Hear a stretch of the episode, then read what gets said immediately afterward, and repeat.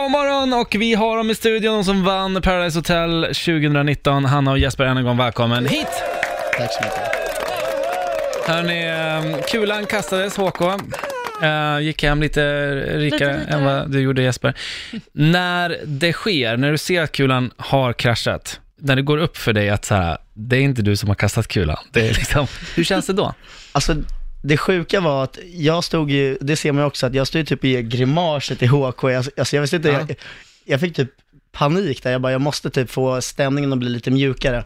Så gjorde lite grimaser där innan och varje gång Rebecca lägger upp pengarna som inte man ser är att jag står och kollar på Rebecca som att hon lägger upp bajs på tallriken. Och det är för att du ska göra att, hon, att HK känner sig trygg? Ja, eller jag vet inte, det var väl Det någon gjorde jag teori inte. då. Men det, var, det var helt fel gjort.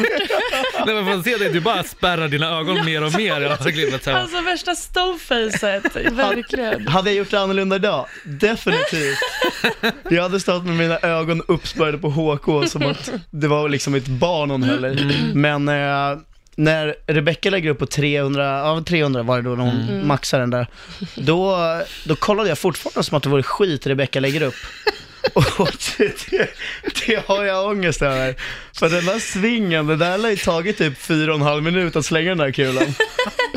Det Men du sista- hade ju hunnit kasta den om Ja, du ja. hade varit Hade jag alltså, kollat hade jag på helspänn hunnit. liksom. Ja. Ja. tycker jag gjorde riktigt bra hela vägen fram till de sista orden jag säger till HK. Ja, alltså när vi alltså, ska, ska skiljas åt och vi har vunnit och vi ska vänta på att få gå till kulceremonin, Mm. så springer Jesper fram till mig och bara, vad som än händer så kommer du alltid vara alltså, min vän.